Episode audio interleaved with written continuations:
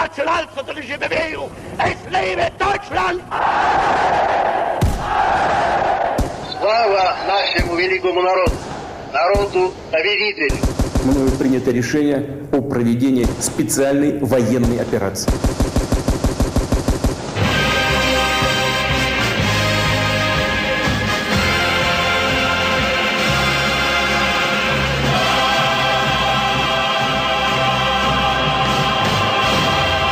Diktaatorid.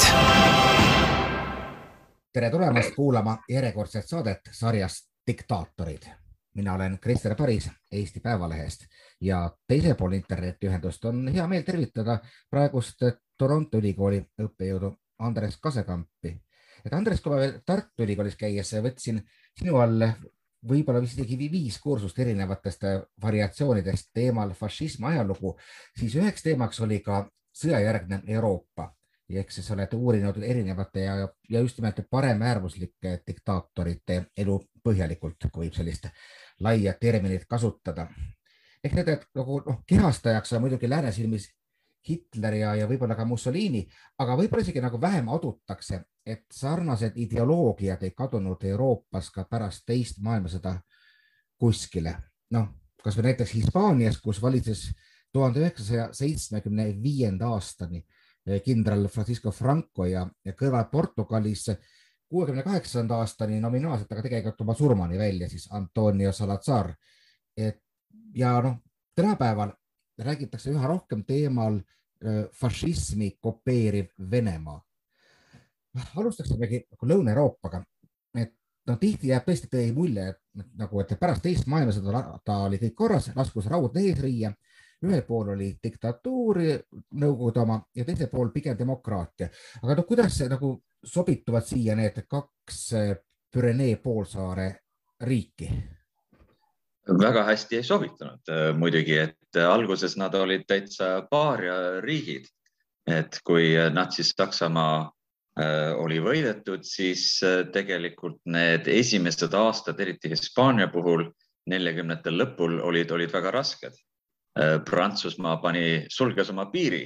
äh, Hispaaniaga, kui loodi uus ähm, ÜRO, siis äh, Hispaaniat ei, ei kutsutud liikmeks, Hispaania sai liikmeks alles kümme aastat pärast, kui ÜRO oli juba asutatud. Ja ainult tänu külma sõja puhkemisele neljakümnendate lõpul hakati Hispaaniaga natuke rohkem läbi käima. üks murdepunkt oli tegelikult siis viiekümnendate algul, kui ameeriklased äh, asutasid oma lennuväebaasi äh, Hispaanias ja see nagu avas uksed suhtlemiseks Hispaaniaga natuke laiemalt ja siis viiekümne viiendal aastal võeti teda äh, ÜRO-sse, aga alguses nagu mainitud, oli Hispaania täitsa paariariik kui äh, sellise noh, viimane fašismi esindav äh, riik. Ja muidugi pidage meeles, et äh, teise maailmasõja, ütleme, soojendus oli Hispaania kodusõda kolmekümne kuuendast aastast kolmekümne üheksanda aastani, mis oli tagantjärgi vaadates selline suur ideoloogiline võitlus fašismi ja kommunismi või fašismi ja demokraatia vahel, nii äh, kuidas keegi seda äh, serveeris. aga Franco suutis ka väga osavalt ennast ümber kujundada või rebrand ida ehk siis tema enam muidugi ei kasutanud terminit fašismi, et see fašistlik liikumine seal Hispaania kodusõjapäevil kolmekümnendatel enne teist maailmasõda, see muudeti siis ametlikult rahvuslikuks liikumiseks. Ehm, ja fašismi, noh, see rahvuslik liikumine, mis oli see, koosnes endistest fašistidest, et nende roll eh, Franco valitsemissüsteemis kogu aeg kahanes ja tõsteti esile katoliiklikud kirikut et just eriti külma sõja tingimustes rõhutati, et Hispaania oli selline antikommunistlik riik, mitte fašistlik riik, vaid eesrindlik riik kommunismi vastu võitlemises ja see kogu Hispaania kodusõda siis äh, äh, kirjeldati kui selline esimene sõda kommunismi, pealetungiva kommunismi vastu. nii et tegelikult, kui fašism oli see noh, päris fašismi ideoloogia, maailmavaade, mida Mussolini ja Hitler esindasid, mis oli selline revolutsiooniline, siis Franco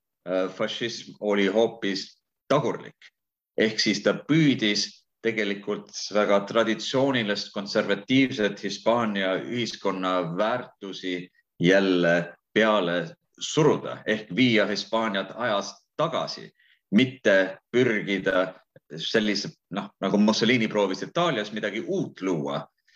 Ehm, nii et siis ta tugines just selle nagu konservatiivse, konservatiivsusele ja siis äh, ülistati ka tema võit võitu äh, kodusõjas kommunismi üle. nii et kui me natukene üldistame, siis on umbes samasugune olukord võib-olla ka kaudselt nagu oli Pinocheti puhul, kes ka pälvis no, de facto siiski Ameerika toetuse tänu võitlusele kommunistidega jah, ja siis äh, muidugi sa olid huvitatud ka Portugalist, mis oli seal kõrval, mis alati saab palju vähem tähelepanu äh,. õigustatud vähem tähelepanu, sest seal ju ei olnud kodusõda nii et Portugal suutis äh, rahumeelselt ja Salazari režiim suutis rahumeelselt püsida sama pikalt kui, kui Franco režiim Hispaanias ja ei sekkunud teise maailmasõtta, elas pika rahumeelse iga. Ähm, ja noh, Salazar nagu Pinochet, tema renomee seisis ka selles, et ta tuli võimule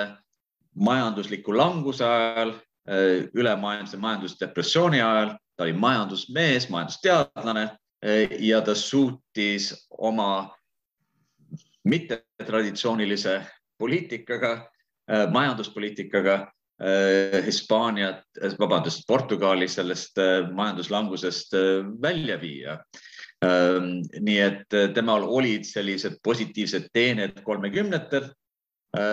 tema ka ei rääkinud fašismist. Äh, et, et noh, väljaspoolt tema op oponendid muidugi nimetasid seda fašistlikuks režiimiks, aga teda, tema enda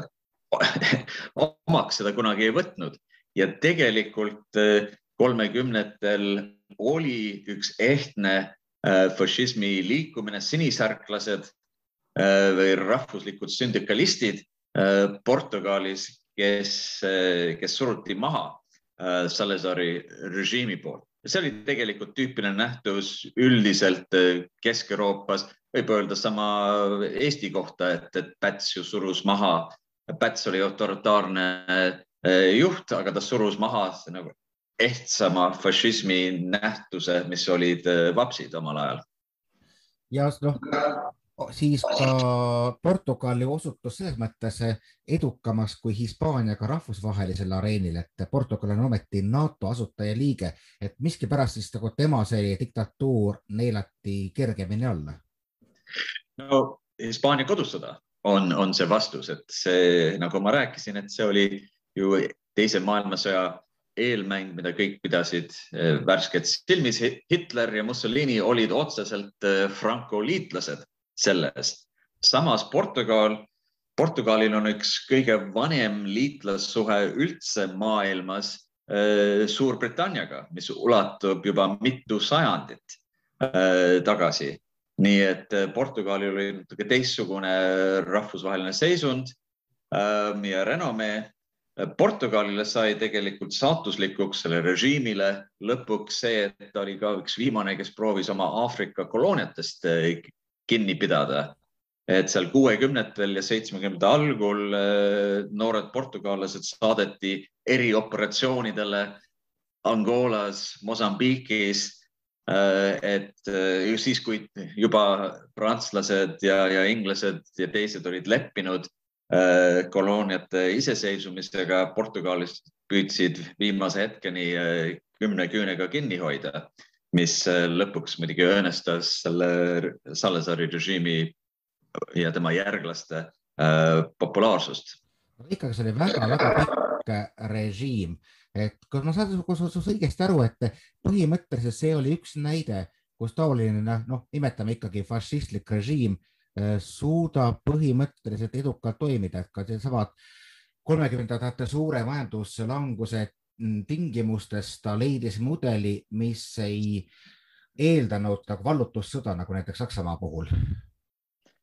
jah, no muidugi see hakkas seal kuuekümnetel, seitsmekümnetel äh, stagnatsiooni ilmingut näitama ja, ja, ja tekkiski selline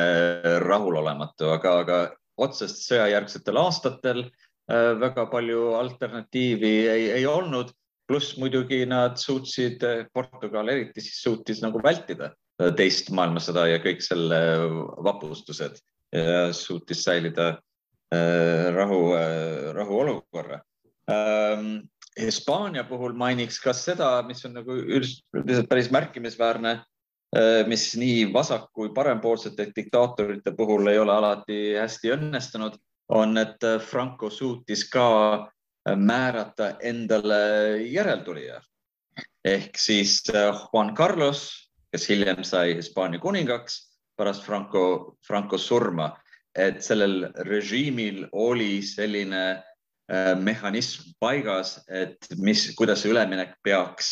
välja nägema. Ja Franco tegelikult ise juba kuulutas ennast välja neljakümne seitsmendal aastal kui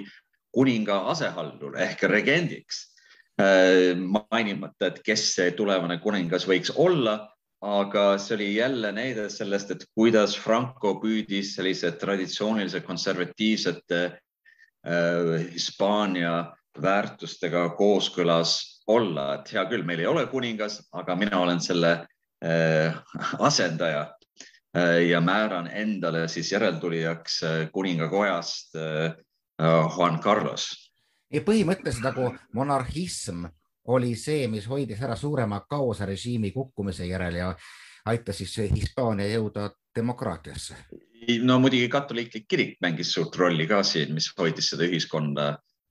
ühiskonna koos ja, ja muidugi katoliiklik kirik kannatas Hispaania kodusõja ajal ehk siis vasakpoolne Äh, vabariiklik valitsus, Hispaania kodusõda algaski paljuski selles, et äh, valitsus kolmekümne kuuendal aastal ka hakkas taga kiusama kirikut ja, ja paljud preestrid ka tapeti. nii et katoliiklik kirik oli väga kindel kants äh, Franco jaoks, kes toetas teda ja kes ühiskonnas oli muidugi väga, väga lugupeetud, nii et see oli mõlemale, mõlema poolele väga äh, kasulik aga Franco ja ka Salazar Portugalis äh, olid piisavalt targad ka, et äh, kuuekümnetel nad avasid äh, majanduse, kui nad olid isoleeritud sõjajärgsetel aastatel, neljakümnendate lõpul, viiekümnendate algul äh,, nad olid piisavalt taibukad, et nad avasid oma majandust, äh, tegid vaba turumajandusreforme, meelitasid äh, välisinvesteeringud noh, mõeldes selle peale, et eh, Hispaania tänapäeval, eks ole, seal juba kuuekümnendatel tulid suured investeeringud Saksamaalt, eh, Suurbritannialt, eks ole, ehitati üles kõiksuguse vägeva turismisektori, eh, mis on noh, võib-olla natuke sarnane sellele, mis Kuubas püütakse teha tänapäeval, vähem edukalt. Põhimõtteliselt siis nagu on taaskord kinnitus sellest, et no äri jaoks see noh, demokraatia ei ole selline väärtus omaette, et see, kes suudab tagada noh, investeeringute kindluse, sellega tehakse äri. just. kui räägime natuke ikkagi veel ka sellest ikkagi Franco algusest, et noh, mina olen üles kasvanud ütleme siis Nõukogude Liidus, kus oli selge toetus tollastele nii-öelda vabariiklastele, kes siis võitlesid Franco vastu. kõik, kõik neid ülistati ja tegelikult jäidki need nagu aluspõhjused, et miks siis ikkagi Franco suutis sõja, kus oli väga tugev rahvusvaheline toetus ka teisel poolel võita, see jäigi nagu kuidagi ebamääraseks, noh, et Saksamaa abi ja nii puha, see, sa juba nagu mainisid neid noh, preestreid ja, ja usku, mis oli ikkagi see, et mis andis selle Frankole selle lõpliku toe, et oli see nagu siis see tõesti eh, tema liitlaste abi või ikkagi pigem Hispaania ühiskond tollal kalduski sinnapoole? no seal oli siiski, see ei olnud nagu päris õige kirjeldus olukorrast, et äh, kui sa ütlesid, et välisriikide poolt oli toetust Hispaania valitsusele, eks ole, Franco ju mässas selle valitsuse vastu ähm,, siis tegelikult lääne demokraatiad Nende poliitika oli mittesekkumispoliitika. Ehk siis noh, võib-olla mingi väike paralleel Ukrainaga tänapäeval et või noh, tegelikult palju hullem, et, et legitiimne valitsus, valitud valitsus äh, Madridis, äh, lääneriigid, eks ole, Suurbritannia, Prantsusmaa äh, ei tarninud, ei tarninud relvi ehm, ja püüdsid otseses mõttes hoida neutraalsust ja mitte sekkuda, aga Franco poolt sellist tagasihoidlikkust polnud näha et eh, nii eh, Hitleri Saksamaa kui eh, eriti Mussolini Itaalia olid valmis väga otseselt sekkuma. nii et ja see on üks muidugi üks põhjus, miks see valitsuse pool ehk lojalistid muutusid rohkem vasakpoolseteks, sest väljaspoolt see põhitoetus hakkas tulema Stalini Venemaalt. ja see hakkas muidugi mõjutama, Stalin muidugi püüdis mõjutada Hispaania valitsuse sisepoliitikat ja püüdis siis kontrolli saavutada äh, vasakpoolsete jõudude üle. Ähm, noh, seda on ka kirjeldanud näiteks George Orwell, kes oli üks nendest vabatahtlikust, äh, äh, kes siis pettus kommunismist, kui ta nägi tegelikult, et kuidas stalinistid püüdsid siis suruda maha kõik teised vabameelsed ja vasakpoolsed jõud, kes toet-, kes võitlesid fašismi vastu nii et nagu põhimõtteliselt nagu sel hetkel, kui Hispaanias mm, võttis võimust Franco, siis noh, demokraatlik maailm võib öelda, et seisis kõrval, et, et äh, ainukene, kes nagu äh, hinges tema vastu astus, oligi siis äh, Stalini Nõukogude Liit. kahjuks, kahjuks nii oli jah ja. aga lähemegi siis äkki võib-olla nüüd siis Nõukogude Liidu ametliku õigusjärglase Venemaa juurde. et noh vaatame, mis praegu sünnib, nemad süüdistavad Ukrainat mm, kõikvõimalike teise maailmasõja aegsete või siis, siis suure isamaasõja aegsete terminitega, aga pigem tundub, et nad on, käituvad ise selle moodi, kelle vastu nad tollal seisid. näiteks nüüd ajaloolane Timothy Snyder on tulnud ka New York Timesis välja artikliga, kus ta ütleb, et noh, Venemaa vastab ka tõesti nagu fašismi kolmele kriteeriumile. et noh, kuivõrd me näeme siin nagu sellist ajaloo kordumist, et ta toob välja selle, et algpõhjus oli umbes alandamine, et, et, et, et rahvale sisendati, et, teda on nagu teiste poolt alla surutud. no mulle tuleb kohe silme ette siis eh, Hitler, nuga selga, kõik see temaatika. ja seda küll, et eh, Putini Venemaal oli juba fašismi ilmingud enne seda ja Hitleri Venemaa muidugi ja, ja ka Mussolini Itaalia, kuigi ta oli võitjate poolel esimeses maailmasõjas, äh, ka rõhutas seda, et äh, teda ei käsitletud õiglaselt pärast esimest maailmasõda, ehk siis Itaalial oli lubatud rohkem territooriumit Austria-Ungari kulul. aga noh, võitjariigid siiski ei austanud seda lepingut, nii et Itaalial, kuigi ta oli võitjate poolel pärast esimest maailmasõda, ta oli samamoodi selline tunne, et, et suurjõud, noh, maailmajõud on meid kuidagi, suurriigid on meid, meid petnud ja, ja meid ei ole äh, austatud ähm,. nii et noh, sellise, sellise emotsioonile on Putin ju algusest peale kogu aeg mänginud aga noh, sellest ei piisa, et äh, öelda, et äh, siin on tekkinud fašism. Ähm, sellele on ka fašismi no, päris uurijad, noh, Timothy Schneider on suurepärane ajaloolane, tal on alati põnevad mõtted, aga ta ei ole otseselt fašismi uurija. aga sellised fašismi uurijad, suured nimed nagu Roger Griffin või Stanley Payne, kes on pühendanud just nimelt fašismi ideoloogiale Äh, nemad on üldiselt järeldanud, et äh, Putini Venemaa tegelikult ei täida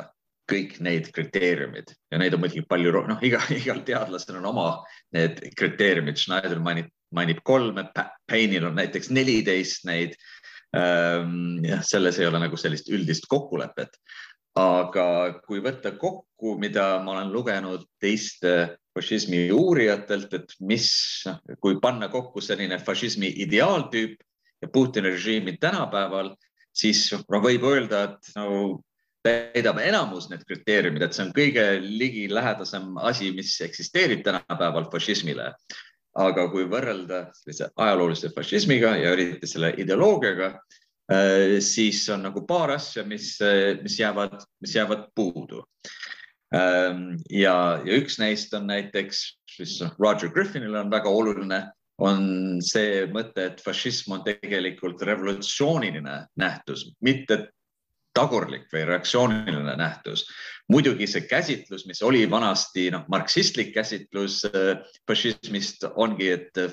fašism on puhtalt, eks ole, tagurlik, ta on puhtalt finantskapitali äh, agent, aga noh, tõsised teadlased on ammu selle marksistliku käsitluse kõrvale heitnud. Ja, ja just nimelt seesama Roger Griffin on suutnud läbi suruda, ütleme, fašismi uurijate äh, seas sellise ka nagu üldise arusaama, et see ideoloogia iseenesest oli ikka äh, edasipürgiv ehk siis revolutsiooniline, mitte tagurlik. ja kui me vaatame Putini Venemaad, siis seal mingit nagu tulevikuvisiooni eriti ei ole, see on lihtsalt tagasipööramine sellise noh, kui mitte Nõukogude Liitu, siis sellise segule, mis on tsaari Venemaa, tsaari Venemaa impeerium, Nõukogude Liit aga mingit sellist alternatiivset modernsust nagu Mussolini püüdis äh, püstitada äh,, midagi uut, paremat üles ehitada äh,, seda, seda ei ole äh, kindlasti, nii et saab öelda noh, sada protsenti, et, et Putini Venemaa puhtalt tagurlik nähtus, midagi revolutsioonilist äh, seal ütleme tuleviku visiooniga ei, ei, ei ole. Äh, ja siis ja sellega kaasneb ka selline teine oluline punkt, mida fašismi uurijad rõhutavad tavaliselt, et ehtne fašism on, tegeleb ikka masside mobiliseerimisega. ehk see on, kuidas nad tulevad tavaliselt võimule, et see on mingi äh, liik, rahva liikumine ähm,. aga Putini režiim muidugi ei taha rahvast mobiliseerida. ta ei julge isegi seda praegust sõda nimetada sõjaks äh, ja ta hoidub sellest, et eh, noh, kuulutada välja mobilatsiooni, aga üldiselt jättes seda kõrvale, siis ühiskonnas ta ka väldib sellist äh,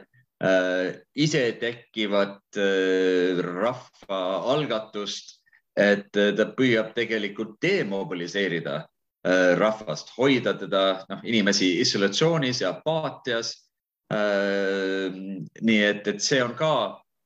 vastupidine sellele, kuidas klassikaline fašism äh, toimus äh,. ja veel üks äh, punkt, mida siis äh, need fašismi uurijad äh, on, on täheldanud, on ka, et kuidas äh, Putin siis üldse nagu võimule tuli, see on väga erinev vist Hitlerist või Mussolinist. esiteks muidugi Putin pole mingi karismaatiline juht, ta on mees, kes on tulnud süsteemi seest, ta ei ole neid rahva hulki hulkasid äh, mobiliseerinud enda taha, ehitanud üles mingi parteid ja või, võidelnud võimu nimel nagu Hitler ja, ja Mussolini. Äh, pigem on ta nagu Stalin, et ta on äh, mees, kes on tulnud, hall mees, kes on tulnud süsteemi seest nagu märkamatult ja ehitanud üles sellist võimu ja kõrvaldanud oma, kõik oma rivaale nii et see noh, võrdlus selles mõttes, kuidas ta võimule tuli Staliniga, on palju täpsem kui mingi Hitler või, või, või, või Mussolini no kui ma siit kuulan, kui ma siit kuulan, siis see kõik toob mulle hoopiski meelde selle, millest me alustasime ehk, ehk Franco ehk siis tagasipöördumine minevikku. no ma ei tea, Franco puhul ma ei ole ka kuulnud erilisest karismast. jah, ja sa mainisid ise äh, Chile'st äh, Pinocheti, eks ole, seal kuuekümnendate lõpul, seitsmekümnendatel ja, ja see on ju teada teadaolev fakt, et Putin äh, ja paljud venelased seal äh, kakskümmend aastat tagasi, kui Putin tuli võimule, imetlesid äh, Pinocheti, eks ole, et Pinochet oli ka selline, kes tõi noh, autoritaarne diktaator, aga kes tõi oma riigile majanduskasvu, et teda tegelikult idealiseeriti äh, nii Putini kui paljude venelaste poolt. sellest noh, räägitakse palju vähem Äh, muidugi äh, tänapäeval, aga noh, see oli värskem, äh, värskem näide kakskümmend aastat tagasi kui, kui, kui tänapäeval. räägime nüüd Putini Venemaa puhul või sellest, mis aitab tal võimul hoida, see on propaganda. no me, ma arvan, et me keegi väga täpselt ei tea,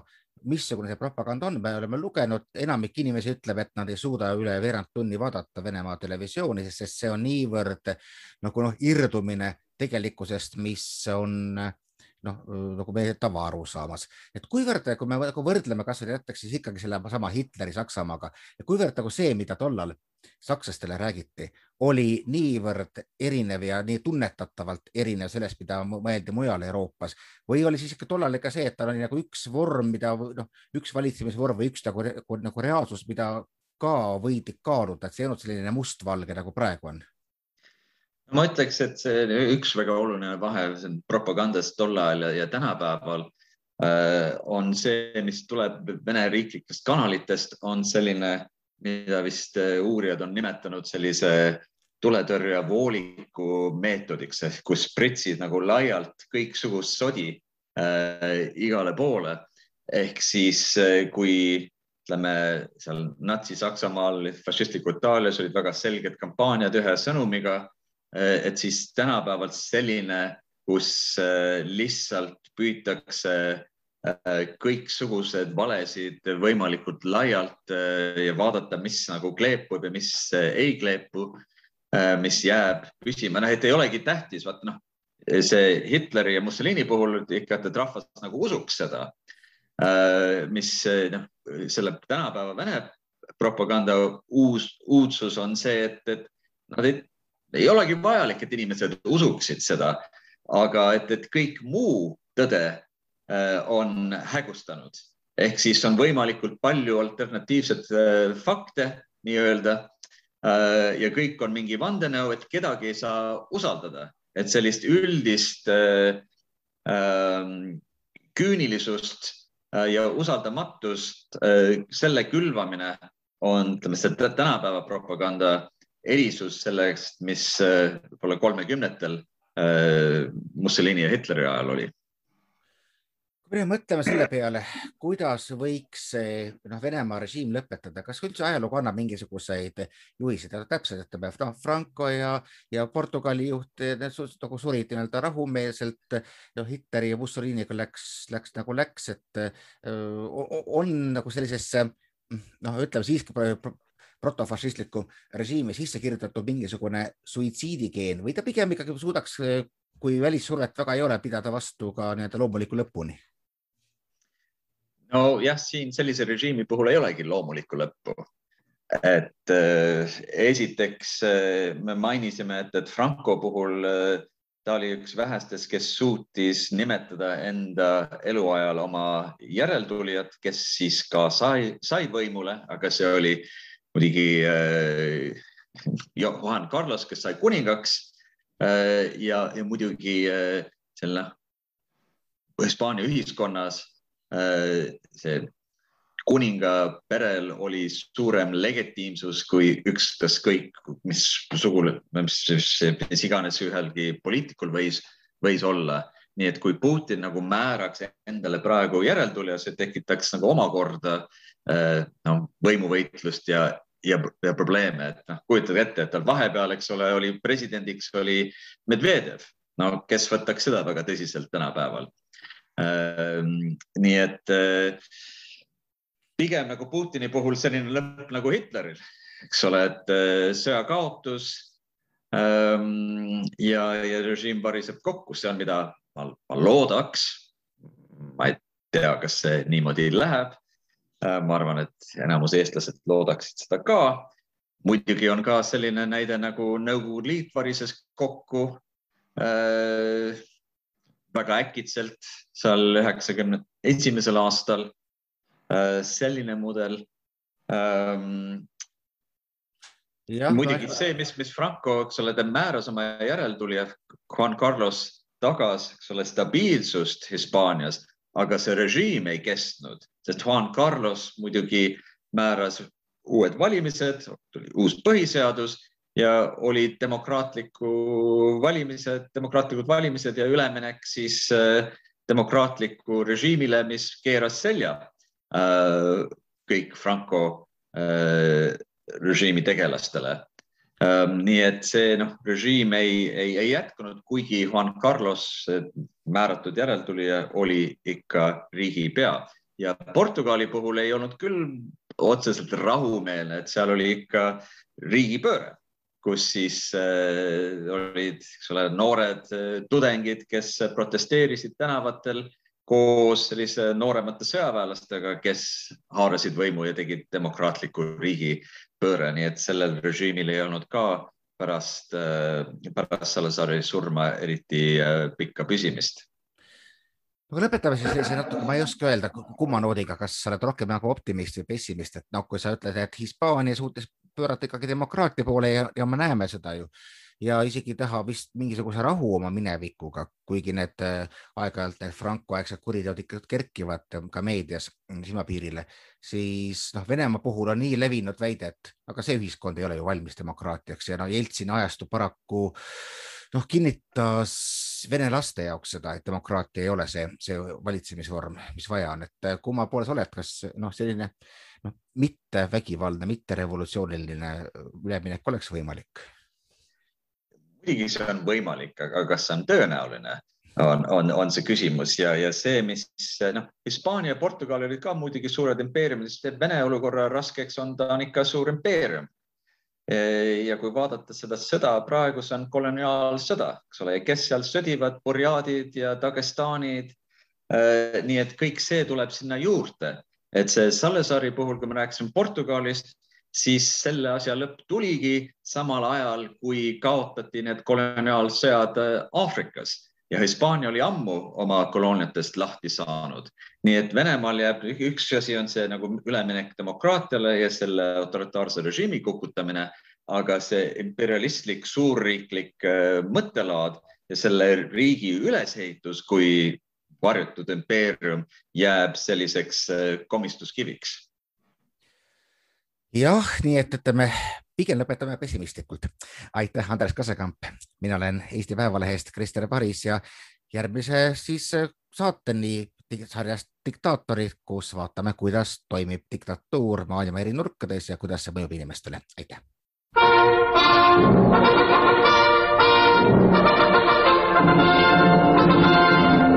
Es lebe die nationalsozialistische Bewegung! Es lebe Deutschland! Слава нашему великому народу, народу победителю. Мною принято решение о проведении специальной военной операции.